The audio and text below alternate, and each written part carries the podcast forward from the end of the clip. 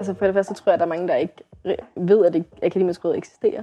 Og dem, der har hørt om det, tror jeg, tænker, at det er... Øh... Det, det ved jeg faktisk ikke rigtigt, fordi jeg ved heller ikke rigtigt, hvad min egen idé om akademisk råd er. Noget, vi diskuterer ofte, er økonomi.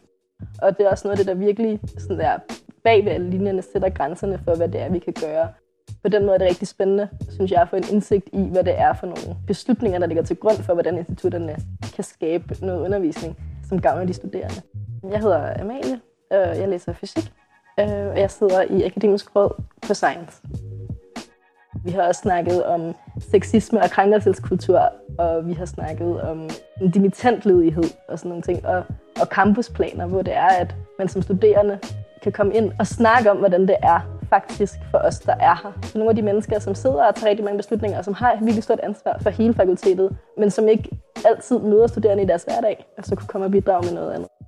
Vi er studerende i en organisation, som på mange måder er, er svær at, at navigere i, hvor at man ikke forstår helt, hvor beslutningerne bliver taget hen, eller hvem det var, der lige synes, det der det var en god idé.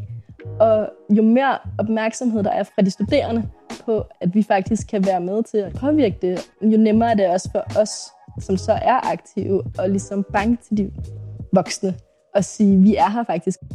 Fordi det er ikke bare en, en fast ramme, det er et flydende universitet, og vi har selv rigtig stor indflydelse på det. Men det kan vi kun have, hvis vi bliver ved med at også vise, at vi gerne vil have en holdning.